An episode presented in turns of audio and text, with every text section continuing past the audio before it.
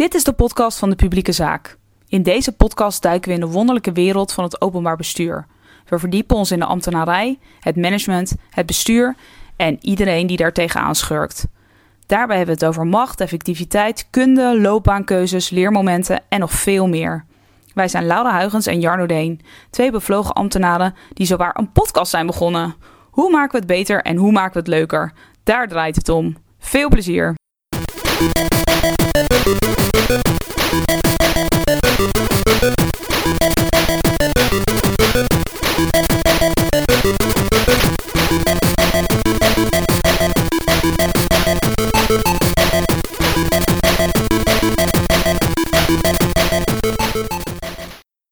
hadden een inspirerend gesprek met Koen van Bremen.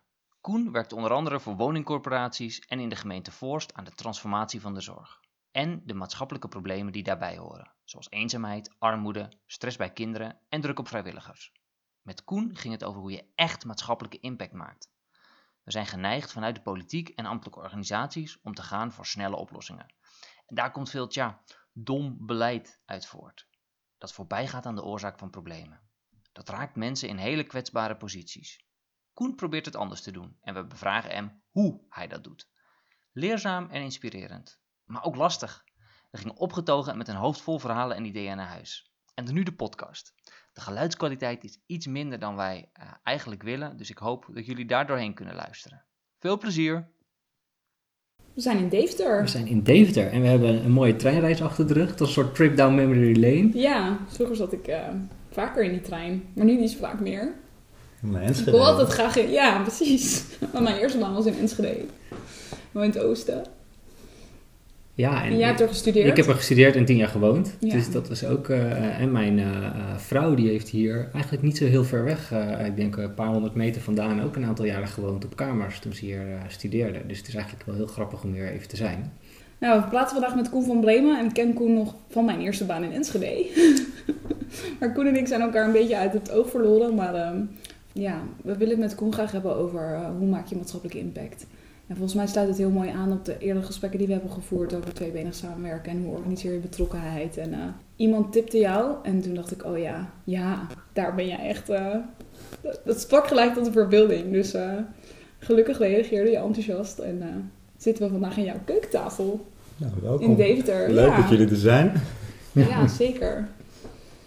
Thanks for having us. Ja, hey Koen, maatschappelijke impact. Eh, je hebt het op je LinkedIn profiel staan, dus het, eh, dat is waar jij, dat is jouw drive, dat wil jij, dat wil jij zeg maar eh, regelen. Waarom? Wat is, jouw, wat is jouw drive om die maatschappelijke impact te willen? Dat is een hele goede vraag. Een moeilijke vraag gelijk Een hele moeilijke vraag, Janne. Nee. Nou ja, ik heb dat eigenlijk mijn hele leven al gehad dat ik eh, op wil komen voor ehm, of de natuur of voor mensen die het moeilijk hebben. Of, eh, en wat ik denk ik zie in mijn werk is dat ik denk ik vrij vaak zie van goh, het, dit kan veel beter. En dan wil ik het gewoon beter maken, zeg maar. En als je iets beter maakt, dan, eh, eh, als, dan komt er ook meer impact. Althans, is mijn theorie. En ehm, ehm, dus wat precies maatschappelijke impact is, is verschilt ook heel erg per, per, per context, zeg maar. Dus niet een soort eh, absolute waarde, dan moet het zo zijn of zo, vanuit de ideologie. Maar meer dat ik zie dat heel veel partijen en mensen dat proberen, maar struggelen. Eh, en- Om het beter te maken. ja. Of- en, hoe dan ook. Ja, een woningcorporatie voor mensen die, eh, die niet zo goed kunnen wonen, maar eh, een zorgpartij voor mensen die niet kunnen meekomen. Een gemeente voor, nou, we spraken ook voor de kwetsbare inwoners, maar voor alle inwoners. Iedereen probeert dat op een bepaalde manier. Of een waterschap misschien voor bepaalde natuur. Of, en dat is allemaal maatschappelijk impact. Ehm, eh, en ik denk dat ik, nou ja, kan helpen om, om dat dan beter te doen. Dat is een beetje mijn missie geworden, als het ware. Ja. Ja. Ah, En waarom precies, weet ik niet. ja, dat zit erin. Dat is een soort genetisch misschien of zo. Ja. Ja. Ja, het is volgens mij een, een hele mooie drive die wij, die, wij, die wij ook delen en wat ook een, een belangrijk doel van deze podcast is. En wat ik me nou afvroeg, hé, als je naar de afgelopen tijd kijkt, zou jij ook op het Malieveld gestaan hebben? Dat is een goede vraag. Ik ben ook aan het nadenken of dat... 10 maart is dat geloof ik, hè? Ja. Die, eh, Hmm. ik denk, ga ik daar nou heen of ga ik daar niet heen? Ehm, daar had ik nog niet het antwoord op overigens. Maar ik dacht wel van, wij zijn echt de generatie die niet eh, is opgegroeid met protesten. Echt helemaal niet. Nee, dat is Eh, waar. En eh, ik heb me daar heel vaak over verwonderd. Ik- waarom doen wij dat niet, zeg maar? Nou, dan krijg je al die beetje theorieën over. Heb je wel eens gedemonstreerd? Nee, echt nog nooit. Hm. Ik ook niet. Ik keer. niet. En ik denk dat ik in een gemengde eh, houding zit. Aan de ene kant denk ik van, wat goed moeten we doen en eh, is ook heel belangrijk. Aan de andere kant denk ik van, ehm, eh, ligt daar nou mijn grootste meerwaarde, zeg maar. Want als je het over maatschappelijke impact hebt, Ja. heb je dat als je daar staat? Ja, dat is dan al de vraag. Ja. En ik denk dat ik, dat ik op een andere manier, ik, als ik die dag an- op een andere manier invul, dat ik misschien wel meer verschil kan maken dan als ik daar ga staan. Dus ik wil niet zeggen dat daar staan niet oké is. Nee. Maar eh, ehm, ja, misschien ook omdat je dan iets ouder wordt, ga je afwegen. Wat is dan de beste manier? En sowieso ook door die vraag die je ook stelde van... eh, ga je nadenken over... ehm, eh, als je wat ouder bent, ga je beter nadenken wat past eigenlijk bij mij. Ehm, want je kunt heel veel ambitie hebben, wat je, wat je, wat je graag wil bereiken of zo. Hè? En ehm, nou, misschien moet je wel minister worden, of misschien moet je wel een of andere goeroe worden, of misschien moet je wel... Nee, er zijn zoveel opties. Maar wat past bij jou als karakter, als persoon, ehm, als, met, met je competentie en alles eh, erbij. En, en waar kun je dan het beste op inzetten, zeg maar. En dan denk ik dat protesteren niet per se in dat. Misschien is het hartstikke leuk om een keer een dagje te doen. Ja, nou, maar dat herken ik wel. Is dat je in de, eh, in de fase, in iedere fase van, een- van je carrière ben je aan het nadenken over ja, waar heb ik ook die impact en waar is mijn bijdrage. En op een gegeven moment ga je dat wel ehm, op een andere manier zien, omdat je ook al wat meer ervaring hebt. Terwijl als je, ja, als je net begint met, met werken, ja, dan, dan, eh, dan, en dan is het ook goed, denk ik, goed om misschien met oogkleppen op ergens vol voor te gaan en je neus te stoten, omdat je daar, daar leer je tenminste ook iets van. En dan, eh, maar dat moet je ook niet de rest van je leven Nee. moeten willen blijven. Nou, ik ben wel jaloers op mensen die dat kunnen hoor. Die zeg maar, ehm, want het betekent dat je, ehm, ehm, dat je niet te genuanceerd moet willen zijn. En ehm, Maar wat bedoel je dan precies? Waar, waar Nou, ben je dus op? nou, mensen die ergens gewoon volle bak voor gaan. Ja, ja, en ook Eh, weten wat ze willen. ja, daarin. Ja, gelijk. en 100% eh, dus, eh, en eh, bijvoorbeeld al die Samavas en AFAS en die, die echt die protestorganisaties die er nu allemaal zijn wereldwijd. En, en volle bak daar alleen maar voor rammen. Eh, want ik denk altijd gelijk al, oh ja, maar eh, dat werkt zo niet politiek en dat zo en dat, dat gaat niet en zus gaat niet. Ja. Dus ik zit allemaal Altijd eh, in de dat hele plaatje en en- de ja. nuance. En daarmee verlies je dus je, nou ja, de, de, met gestrekt en volle bak. Ja, ja. Wat, wat wel nodig is, Ja. denk ik. Dus ik denk dat het goed is dat die mensen dat, die, dat ze dat doen. Daarom heb ik heel veel respect voor. Ja. En, en denk er soms bijna jaloers op, zeg maar. Ja. Eh, alleen ja, je, kunt, je bent hoe je bent. Dus ja, ik kan mezelf niet veranderen. Nee, dat is ook zo. Nee, maar en Koen, wat, eh, wat is jouw achtergrond? Wat heb je, wat heb je gestudeerd? Ik heb ooit planologie gestudeerd aan de Universiteit Utrecht. En eh, En wat was toen het plan? geen plan. Had je een plan? Nee, ik had echt geen plan. Oké. Nee, ik vond eh, ooit bij aardrijkskunde dat wel leuk om een beetje zo stadje te tekenen en zo. Maar dat sloeg helemaal nergens op. en toen ben ik, eh, ja, toen ben ik afgestudeerd en toen heb ik een, een blauwe maandag bij een, eh, bij een adviesbureau gezeten. En dat vond ik niet zo leuk. En toen ben ik gevraagd om bij een eh, overheid te komen werken. En ehm, nou, dat vond ik wel leuk. Dan kon ik allemaal dingen doen wat, wat, ik nu dus snap waarom ik dat leuk vind. Want ik kon echt mijn resultaten boeken en mensen helpen. En ehm, pas later ben ik, eh ben ik verzeld geraakt in de meer sociale hoek. Ja. Ehm, want ik was toen een tijdje in het buitenland geweest en toen kwam ik terug en toen werd ik gevraagd door een groep woningcorporaties om hun offensief tegen dakloosheid eh, te leiden, zeg maar, of om dat helemaal vorm te geven. En daarvoor was ik eigenlijk altijd meer planoloog geweest. Ja, want het- je zat wel altijd meer in het ruimtelijk domein. Ja, Ja, een beetje demografie ook later. ja, ja. en ehm, in Twente met Krimp. En toen kwam ik terug uit Papua Nieuw-Guinea en toen ben ik, ehm, ehm, ben ik in, de, in die hoek beland. En met woningcorporaties en zorgpartijen en gemeenten hebben we drie jaar lang of zo. Het project loopt nog steeds trouwens. Maar van 2008 tot 2011 heb ik toen eh, heel veel acties opgezet. Uitzettingen voorkomen. Eh, als iemand wel weg moest omdat het niet ging, kun je elders een plek vinden. Nou, hoe zorg je dat zorg goed te Nou, eigenlijk de thema's die nog steeds actueel zijn. Hoe zorg je dat zorg goed georganiseerd is? Die heel actueel zijn nu trouwens, want de leefbaarheid in heel veel buurt gaat weer achteruit. Omdat de woningcorporatiewoningen steeds meer het afvoerputje weer worden. Van, ehm, door, door rijksbeleid van de samenleving, door de externalisering, maar ook door passend toewijzen, de inkomenstoets. Dus je ziet dat, dat dat de woning, de buurten waar veel coöperatiebezitters hebben het zwaar, zeg maar. Ja. En, eh, eh, en daar zitten heel veel mensen ook met een zorgvraag bijvoorbeeld. Nou, dat speelde toen tien jaar geleden ook al. Oké. Eh, Maar is dan, dat klinkt wel als iets in de rol die je toen had, dat je ook veel impact had. Want je had direct ook invloed op de, op de levens van mensen als je uitzettingen en dergelijke kunt voorkomen. Dat lijkt me. Ja, dat deed ik nog niet zelf. Nee, maar ja. wij hielpen woningcorporaties om daarover, eh, om daarover na te denken, om daar ander beleid voor te gaan maken. Om regionaal afspraken te maken met elkaar. Want soms moet- is het heel fijn dat, dat iemand naar een andere gemeente kan of moet zelfs. Ja. Ja, ja. Ehm, dus dat je dat met elkaar regelt. Dus dat iemand niet in de opvang komt. Want de opvang is extreem duur. Eh, Dat is het financiële argument. Maar daarnaast is het ook helemaal niet goed voor iemand. Zeker niet met kinderen en zo. Nee. Dus het is Nee. veel handiger als iemand elders een plek weer kan vinden. ja. Ehm, nou, dat eh, hebben we eh, aangejaagd. En eh, met name ook, eh er zit natuurlijk een gedragscomponent onder. En vervolgens hoe je het regelt met elkaar. En ehm, ook met de opvang, de maatschappelijke opvang, hoe, dat die uitstroom op gang komt richting woningcorporaties. De, de opdracht was oorspronkelijk om opvang te, te bouwen. Opvanglocaties. Te bouwen, oh ja. echt Dat te was jouw opdracht. Ja, dat Of was, tenminste het, de dat was het die- idee die ontstaan was bij de Ja, ja. woningcorporaties. Dat Als dat oplossing voor was. het probleem. Ja, Of een probleem. Ja, en toen heb ik met Ja. 60 mensen gepraat of zo, uit Twente, uit alle hoeken en gaten. En toen eh, heb ik de bestuurders, de bestuurders van de woningcorporatie teruggegeven van jongens, het ligt iets genuanceerder, zeg maar. Dus als je het probleem analyseert, dat is denk ik een rode draad ook door wat ik altijd probeer te doen, te analyseren wat is nou echt het probleem en de oorzaken eronder. Dan was het, eh, het probleem was helemaal niet dat het gebrek was aan opvang. Het probleem was dat de opvang verstopt raakte, doordat er geen uitstroom was. En doordat er dus te veel mensen richting opvang moesten. Ja, precies.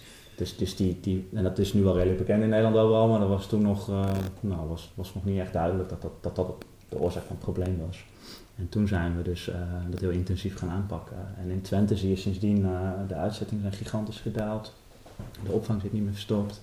Ehm de woningcorporaties werken heel intensief samen. Er is een, eh, een uitstroom maatschappelijke opvang iets opgestart. Nou, er is van alles gebeurd. Dus dat was, eh, was, ja, dus, eh, was super, super boeiend. Ja. Ja, en, en, en het gaat ook heel erg over echt mensen hun leven. Ja, het Dus komt echt- heel dichtbij. ja, het komt heel dichtbij. Ja, ja. ja, als je verhalen, als je dan met woningcorporatie mensen in gesprek was en, eh, en dan vertellen ze over wat zij zien en meemaken. Ja. Nou, dat, heeft echt, dat is gigantisch. En ook mensen bijvoorbeeld, eh, wij, wij deden ook heel veel met vaklieden en onderhoudsmedewerkers, waarvan een beetje het idee is, die, zijn, eh, die kijken daar niet naar, maar die, die, die gasten zien natuurlijk van alles. verhalen vertellen wat ze zien. Ja, Ja. echt briljant, die zien dat echt wel. Ja. En die konden dus ook heel veel bijdragen.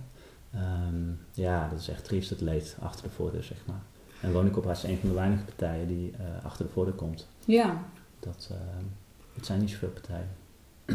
En is dat, want da- da- daar had je het net al een beetje over, is dat iets wat steeds minder wordt? Dat achter de voordeur komen en die rol die de woningcorporaties zeg maar, kunnen nemen in zo'n probleem als dit? Of, Nou, je ziet dat, eh, dat de laatste jaren nu weer heel erg toeneemt. Toen hadden we net zo'n fase achter de rug van ehm, dat het dus inderdaad minder werd. Want woningcorporaties eh, die bijvoorbeeld, eh, die hebben een aantal jaren ook flink moeten bezuinigen. En wat gaat er dan uit? Dan gaat de buurtmeester of de huisconciërge of de woonconsulent zo daar wordt dan vaak ook wel wat op verminderd. Ehm, eh, wat je daarnaast zag was de digitalisering. Ehm, waardoor minder, minder contact was met, eh, met mensen. De vaatwasser. Ja. de, vroeger, eh, en dat zag je bij kleine, kleine woningcorporaties, zag je dat nog. Die kenden iedereen. Ja. En daar kwamen mensen nog letterlijk hun envelopje met geld brengen, zeg maar. Ja, gewoon aan de Eh, balie. Ja, en nu eh, eh, is dat niet meer. Eh, eh, je hoeft bijna niet eens meer een contact te hebben, want je schrijft je digitaal in, je reageert digitaal op een woning, je betaalt digitaal, het is alles digitaal. Waarmee de contactmomenten kleiner zijn geworden. Ja, dat zie je trouwens afstand- ook bij de gemeente. Ja. Dat is een grote focus van digitalisering. En daarmee heb je dus minder kans om iets te signaleren of om iemand te helpen of andersom. Ja, of een vroeg stadium de drempel daarbij te zijn. Ja. Dus er in vroeg stadium Ja. te zijn. Ja. En als iemand bij de balie komt en die heeft eh, een honderdje te weinig, en dan heb je natuurlijk gelijk het gesprek. Ja.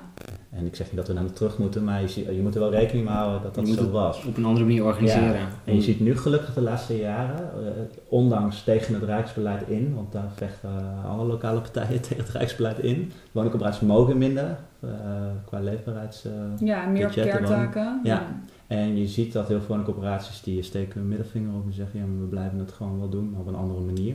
Eh, want dit is zo cruciaal. Dit- Ja, dit gewoon is het kerntaak. maatschappelijke verantwoordelijkheid Ja, eh, daarin ja. nemen. Want aan de ene kant versterkt dus dat probleem wat ik net vertelde, en aan de andere kant mag je minder doen. Ja, sorry, dat werkt niet. Want het heeft ook effect op je vastgoedwaarde uiteindelijk. Ja, tuurlijk. En daarmee holt het je, Ja. je bedrijfsdingen uit, zeg Ja. maar, uiteindelijk je businessmodel. Dus ehm, Ja, zo kan je het ook weer daar naartoe redeneren. ja, Ja, dit is wel Dat grappig, want dit, dit soort discussies zijn voor ons ook heel bekend. Omdat je, wat zijn nou je kerntaken en waar wil je nou echt voor gaan als publieke organisatie? En soms kan die ker- kerntaak heel beperkt zijn, maar wil je eigenlijk veel meer omdat dat gewoon voor de maatschappij beter is. En uiteindelijk re- relateert dat heus wel aan elkaar. Je moet het alleen een niveautje hoger of een niveautje opzij durven te doen. Maar het is wel ingewikkeld, want je hebt er volgens mij wel... Ik heb altijd een beetje hekel aan het woord lef, omdat het tegenhanger is dat je een soort lafaard bent. Maar je hebt uiteindelijk ook wel, wel mensen nodig die daar, die daar dan voor gaan. Die het zien, die het durven, die het bestuur meekrijgen of het bestuur zelf die eraan trekt. er zijn vrij veel mensen die, eh, die dat inderdaad niet doen. Omdat ze heel goed zijn in uitvoeren wat ze geacht worden te doen. Ja, En eh, nou ja, daar schopte ik vroeger veel tegenaan. Daar heb ik nu wel iets meer respect voor. Want ja, Moet dat, ook dat gebeuren. moet ook gebeuren. Maar eh, eh, ik denk dat het goed is om te beseffen vanuit wetgeving, wetgeving, maar ook vanuit beleidsmakers, vanuit managers en, en al die mensen, dat, ehm, ehm, dat je inderdaad die balans hebt in je mensen. En dat je dus ook mensen nodig hebt die, die buiten die eh, hokjes kleuren. Ehm, en dat die twee ook met elkaar communiceren. Dus de mensen die buiten de hokjes kleuren en binnen de hokjes kleuren. ja. Dat die, en dat die niet een soort twee kampen worden, zeg maar. Ehm, maar goed, dat is ingewikkeld. Ik zag bij de woningcorporaties bijvoorbeeld dat... eh, er was een woningcorporatie, ik zal de naam niet noemen, maar die directeur die zei altijd... wij zijn de meest sociale woningcorporatie die er is. En eh, wij zijn ook echt voor de daklozen en zo. En eh, wij spraken dan met, op alle lagen van die woningcorporatie met mensen. En op het lagere niveau, zeg maar, in de hiërarchie dan, niet lager kwaliteit. Maar bij de mensen die het gewoon doen, het werk, daar eh, vertelden ze me hele andere verhalen.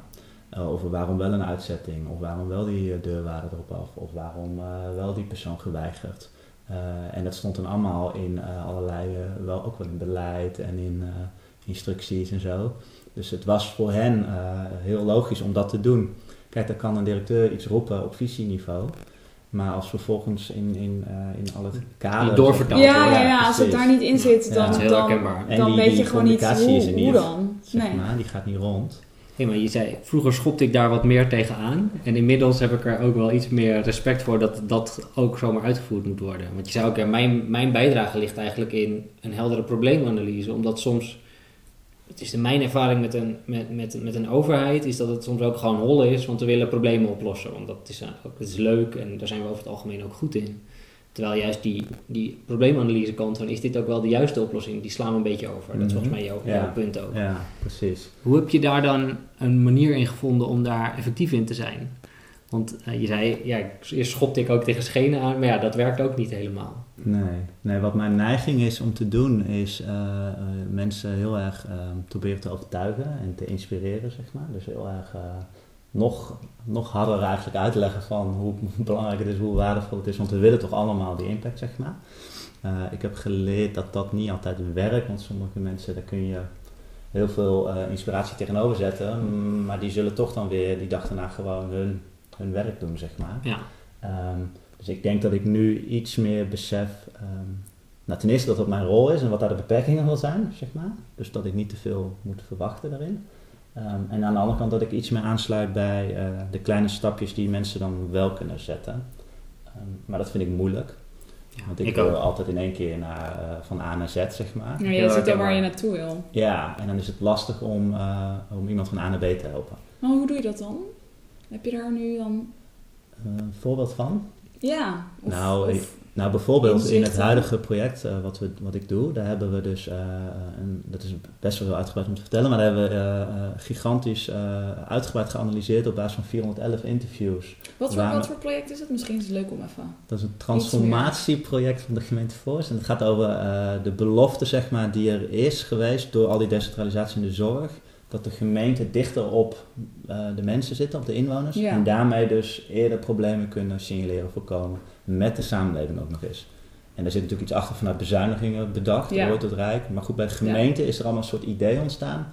Eh, wij kunnen het beter doen dan vroeger eh, bureau jeugdzorg het deden. Of dan vroeger vanuit de AWBZ, dus die landelijk georganiseerde zorg. Dat idee is er wel bij de gemeente. Dat, idee is er bij bijna alle gemeenten. Dus een soort belofte. Dus eh, de, Ja, ja. Het eerste deel noem je de transitie. Dat is zeg maar het inrichten van de zorgtaken. Ja. Dus je moet eh, een goede toegang hebben tot zorg. Je moet zorgen dat mensen dus naar een aanbieder van zorg kunnen. Nou, dat soort dingen allemaal. Dat mensen een scootmobiel krijgen, maar noem alles maar op.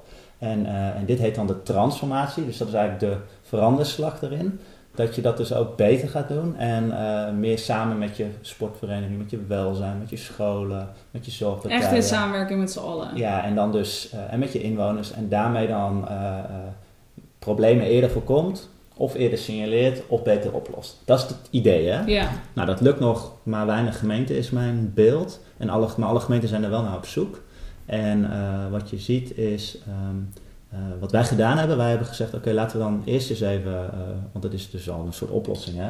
Een idee of een oplossing Mhm. vanuit het Rijk bedacht. Toen heb ik gezegd, laten we nou, en we weten eigenlijk niet hoe we dat moeten doen. Dus ik heb gezegd, laten we eerst eens eh, eh, 400, nee ik heb niet gezegd, laten we 400 mensen in de Laten we eens de samenleving raadplegen. vragen, Ik denk 150 schat ik in. Maar het is helemaal volgens een vaste methodiek. eh, dat is de methode Klinkers. eh, die heet nu methode van samenlevingsbeleid. Daar, heb- daar, daar begin je eigenlijk vanuit, oké, maar welke organisaties, welke invalshoeken zou je dan allemaal moeten vragen rondom het probleem van preventie, maatschappelijk Ja. probleem in dit geval. Of, of welk probleem je dan ook hebt, het kan ook over water gaan. Ja. En ehm, nou, dan krijg je onderwijs, zorg, eh, kerk, welzijnswerk, eh, actieve inwoners. Jan Terlouwen bijvoorbeeld in die gemeente. Nou, en dan heb je politie. Nou, je hebt een hele serie invalshoeken. Dan vervolgens kijk je, oké, nou leuk scholen, maar er zijn heel veel scholen. Welke scholen hebben we dan allemaal? Nou, je hebt bijvoorbeeld een taalhuis voor vluchtelingen. Je hebt een basisschool, of je hebt heel veel basisscholen. Je hebt speciaal onderwijs, je hebt naschoolse dit en dat. Nou, je hebt heel veel. En dan Ja. vervolgens kijk je weer, oké, eh, wie moet je dan, wat zou dan een goede persoon zijn die veel weet van het, in dit geval het onderwerp preventie. En laten we die dan op de lijst zetten. En zo is die lijst, en er hebben heel veel mensen in die, in die samenleving hebben ook mogen meedenken weer Ja, ja, wie moeten we hier nou voor Zo is de lijst van plaatsen? 470 mensen ontstaan. En van die 470 mensen hebben we met 90 vrijwilligers, die hebben we gebriefd, die hebben die mensen geïnterviewd. Dat, 411 mensen is dat gelukt. En daarvan, ik heb het er niet bij me, maar daar hebben we eh, een, een duizend pagina tellend eh, boek eh, gemaakt. En daar staan alle verslagen letterlijk in, alle interviews. En op basis van dat boek, daarin staan alle problemen en oorzaken in die gemeente. En die kun je trouwens doorvertalen naar bijna heel Nederland. Ja. Eh, daar hebben we alle oorzaken en problemen letterlijk uitgeknipt en daar hebben we schema's van gebouwd. Het is wat technisch nu, maar in die schema's, dat zijn 19 schema's waarin alle problemen rondom preventie staan en waarom die ontstaan. Dus het gaat over eenzaamheid, over armoede, over, over eh, Dus- overgewicht. Zijn dat thema's die, die zijn door die mensen dus aangedragen? En dus het is niet per se iets wat jij als Ik het heb niks ware... bedacht. Nee, precies. Ons Nee, team het is mocht allemaal- niks doen. Oké, het is echt allemaal Dat is die methode. En, die zijn gecategoriseerd. Ja, dat heet processturing. Hè. Je kunt op inhoud sturen, je kunt op proces sturen en je kunt op structuur sturen. Ja. Structuur sturen, dat, daar schieten veel mensen in de valkuil. Je gaat bijvoorbeeld je sociaal teams anders inrichten of zo. Ja, dat Of je gaat eh, zeggen, we Standaard geen modus. programmamanagers, maar eh, toch weer geen maatregelenorganisatie, maar nou, enzovoort. Hè. Dat is de structuursturing. Dat doen we vaak. Eh, of een meldpunt oprichten of zo, dat vind ik eigenlijk nog steeds structuursturing. Of je gaat op inhoud sturen, dus dan, dat, ik denk dat misschien is een waterschap daar wel redelijk goed in. Dan heb je al van tevoren eigenlijk je inhoud bedacht. Ja. Verkeerskundigen zijn er ook vaak goed in. En die zo. zijn daar meester in. Ja. Dus dan heb je een oplossing. Ja. En dan, eh, eh, en dan soms ga je daar nog wel even ook met mensen over praten. Maar eigenlijk weet je al wat het moet zijn. Bij ons in huis zeggen ze dan, ja, dan mogen de inwoners de rolkleur nog eh, bedenken Oh ja, van de oh, buitenkant. Ja.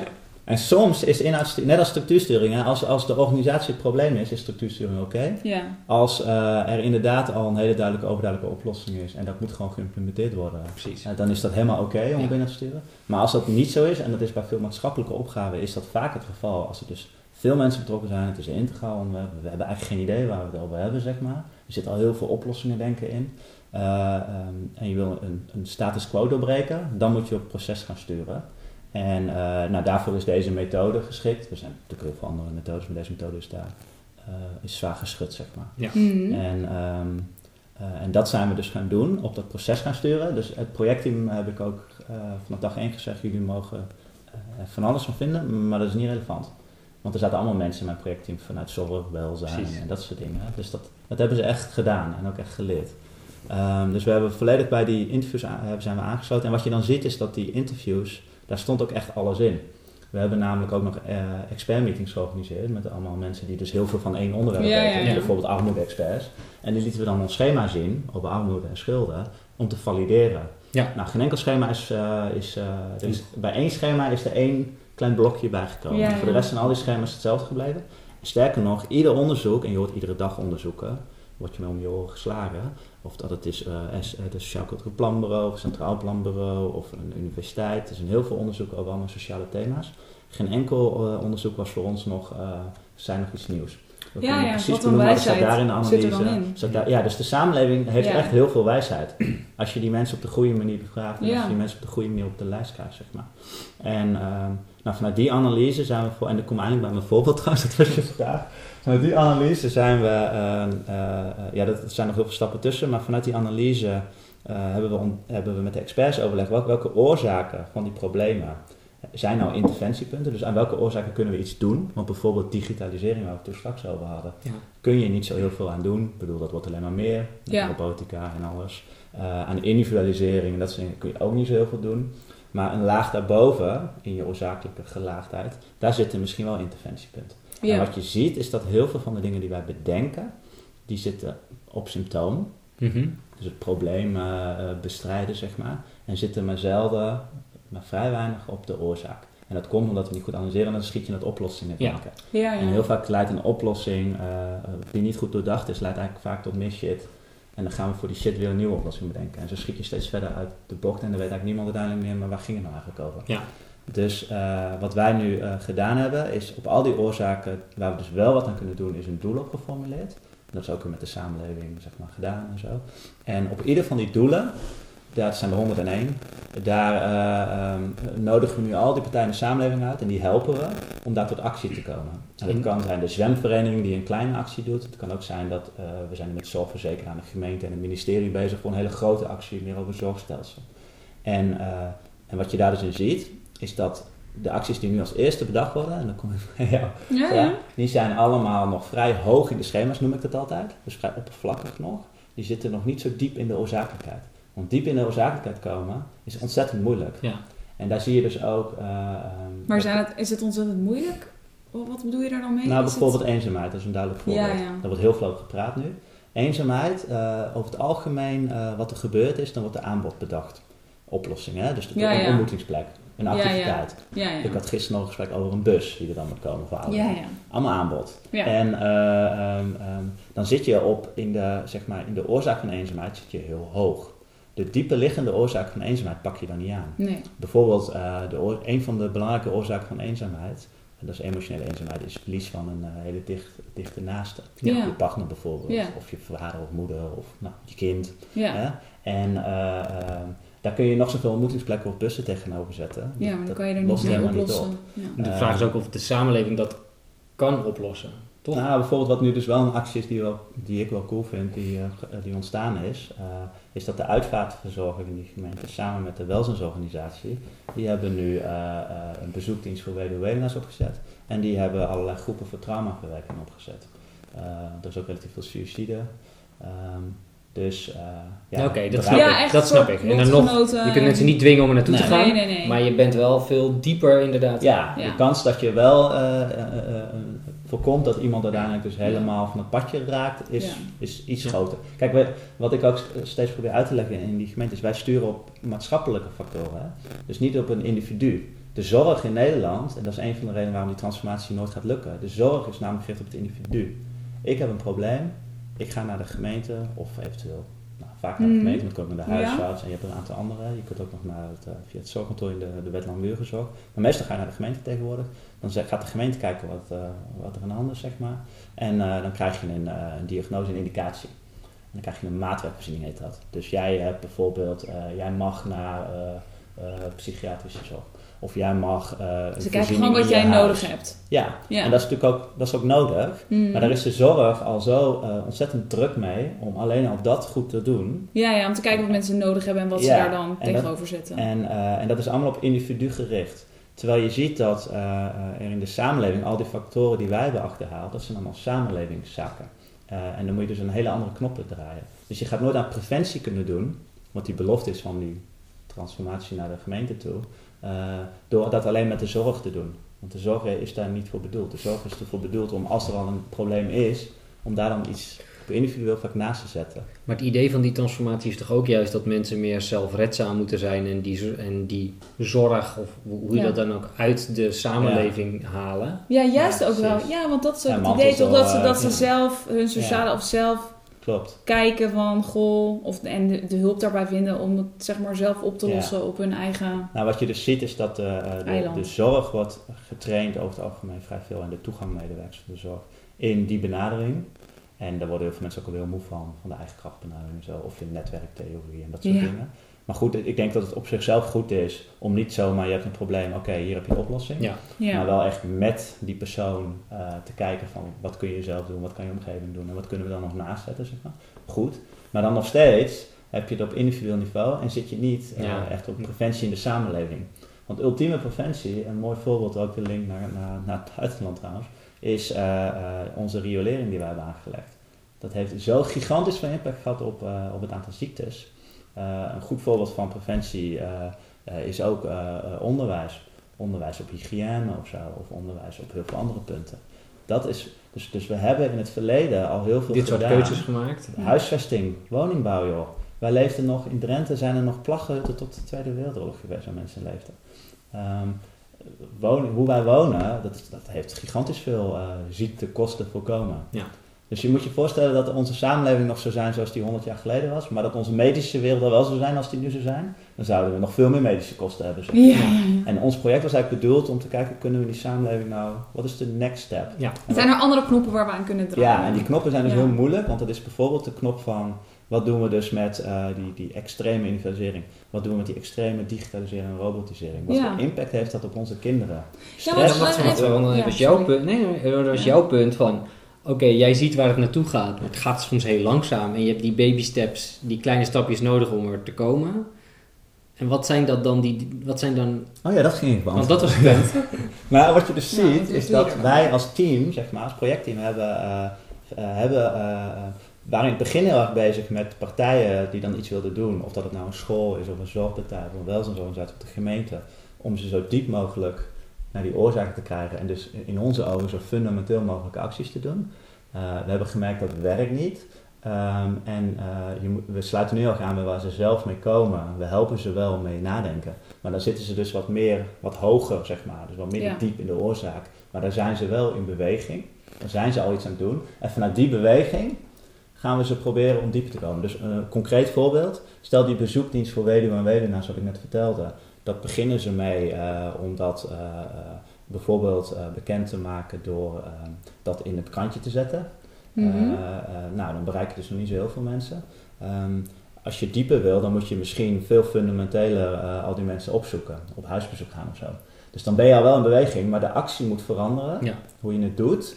Om eh, meer impact te maken, zeg maar. ja, ja. maar dan, en, eh, en dit is dan één voorbeeld, maar zo heb je bij alle, voor, bij alle acties. Ja, je kan, Het is het begin, zeg maar. Ja, ja dus, dus het is ook de, de zaadjes planten en dan kijken. Je kunt misschien al zien dat het misschien niet helemaal gaat werken, maar juist door mensen dat inzicht komen En van... het is ook trial error. Ja, ja. bijvoorbeeld, die had de actie Ga Samen bedacht. Super toffe actie. Daar komen heel veel ouderen. Toen hebben ze alle ouderen gevraagd, en ook met flyers en weet ik wat. Wil jij, eh, ken jij iemand in je netwerk die misschien wel eh, gewoon thuis zit? Ja, Wil die niet meezwemmen? ja kan, Nou, die super goede gebruiken. Ja. Ook gelijk gestart, hartstikke enthousiast, ging hartstikke goed. Wat was uiteindelijk het netto resultaat? was gewoon nul. Nul. Dus, met andere woorden, er zit een reden achter waarom dat niet lukt. Ja, ja. Maar daar heb je die, dat, soms heb je een experiment nodig om dat te ontdekken. Ja, en, en, dan, en daar weer met elkaar het gesprek over te voeren, of niet?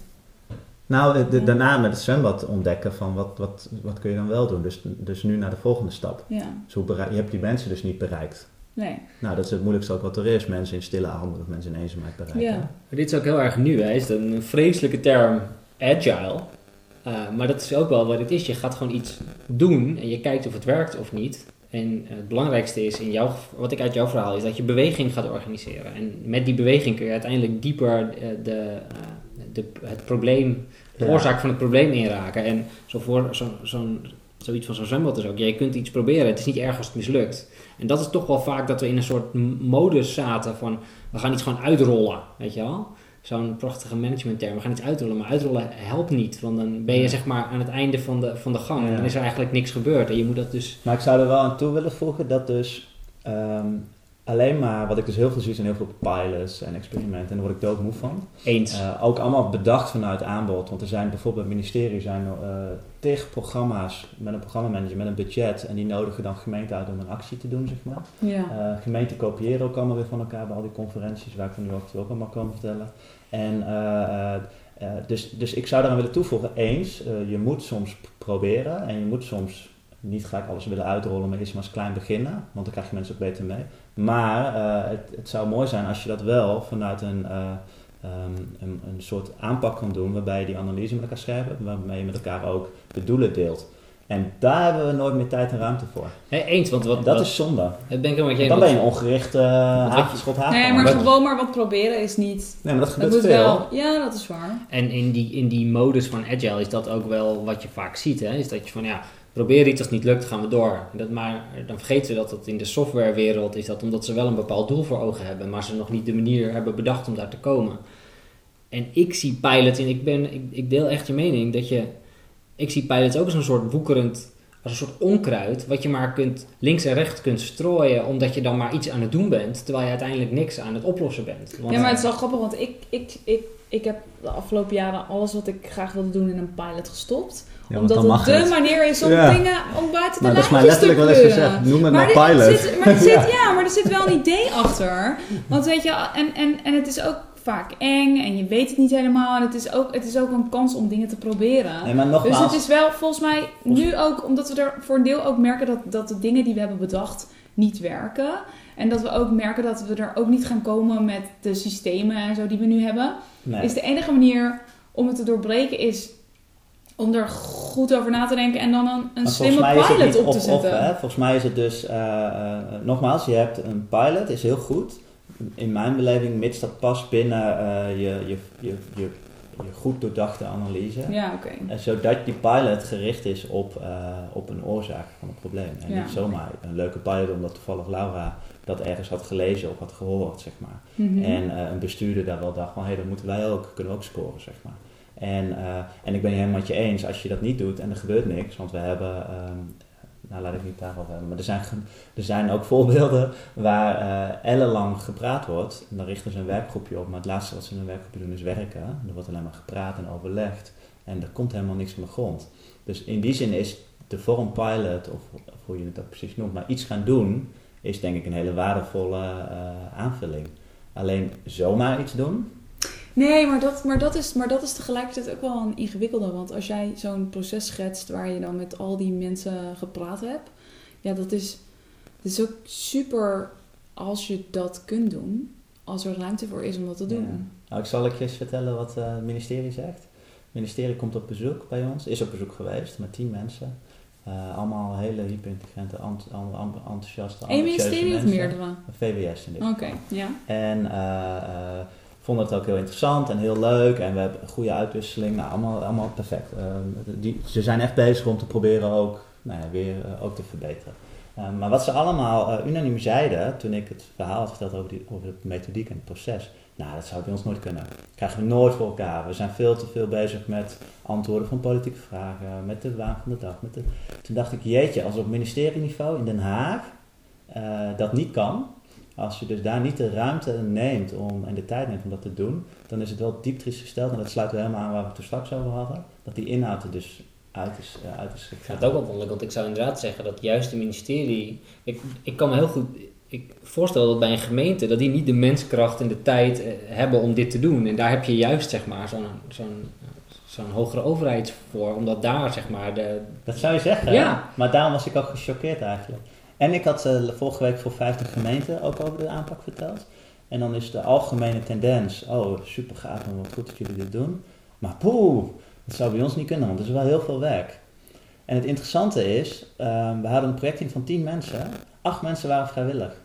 Ja, ja. Het kostte helemaal niet veel geld. Het was alleen even zeggen, jongens, uh, geef ons de tijd, geef ons de rugdekking uh, om dit te doen. Geef ons een jaar, anderhalf jaar om dit te doen. En, uh, um, en daarvoor wat middelen. En die middelen waren echt, echt een schijntje in verhouding, zeg maar. Um, dus het is... Uh, maar wat maakt nou dat, jou, dat, dat het in die, jouw gemeente wel gelukt is? Ja, dat is, dan, dat, is, dat is een combinatie van factoren. en uh, eentje daarvan is dat er een, een, dat er een wethouder eh, zat die, die heel erg van de inhoud is. Intelligente man en die, wil, eh, die vond het belangrijk dat dit goed ging. Eh, de andere combinatie was dat ik net daarvoor drie maanden in die gemeente eh, eh, iets had gedaan met teamwerk en inkomen. eh, een veranderslag, toen zijn we gaan scrummen en van alles gedaan. En dat vond die wethouder eigenlijk wel heel tof. Dus ik had een soort van draagvlak, zeg maar. Ja. Ja, ja. Ehm, en, en, en daarnaast de cultuur in die gemeente, ook bij het MT en zo, is wel heel erg ehm, in de goede zin van het woord opportunistisch. Dus als we met elkaar kansen kunnen pakken en een soort trotsheid voor een kleine gemeente, een beetje vechten tegen de grote boeren, boer- eh, dan eh, gaan we daarvoor. Dus er was een soort samenloop van omstandigheden. ehm, waarbij eh, iedereen zoiets had van dit moeten we doen. Want het pad daarvoor was, zat heel erg op wat heel veel gemeenten doen, op, op subsidieinstrument anders inrichten om te zorgen dat de samenleving in beweging komt. Ja. Dat is de knop die veel gemeenten kennen, wetgeving of financiering. ja. En daar stuurt het Rijk ook voor 99. Ja, want ik zit bij dit onderwerp altijd van, weet je, zit de samenleving wel op dit soort ongein te wachten? Heb ik wel, weet je, zou, als ik naar mezelf zou kijken, Ja. wil ik dit zelf wel? Eh, Ja. En, Nou, dat is een boeiend thema. Burgerparticipatie in die zin eh, is, is een containerbegrip waar als je niet oppast, je eh, allemaal mensen tegenover elkaar komen te staan. Ja of nee en zit iemand er wel of niet op te wachten. Ehm, volgens mij moet je altijd kijken naar wat wil je bereiken. Wie, is, wie heeft eigenlijk het probleem? Ehm, wat is de, de context ervan? Eh, eh, en, en dan gaan inschatten wat de juiste methodiek is. In dit geval eh, waren de mensen aan wie ik de eerste keer het proces ging presenteren, er waren er 70, dus de verenigingen en de welzijnssystemen, die allemaal, die waren dolblij dat, ik, dat we dit proces gingen doen. Want zij hadden al een notitie gekregen van de gemeente over dat hun subsidie dat het anders zou gaan worden. En zij, ja, er wordt over, werd weer over ze uitgestort. En zij waren heel blij dat er ruimte kwam voor inhoud. ja dat, er, Eh. dat er ruimte was om hun expertise in te brengen. Ja, ja, precies. Hun kennis Ja, en hun... en met elkaar op zoek te gaan naar Kunnen- hoe.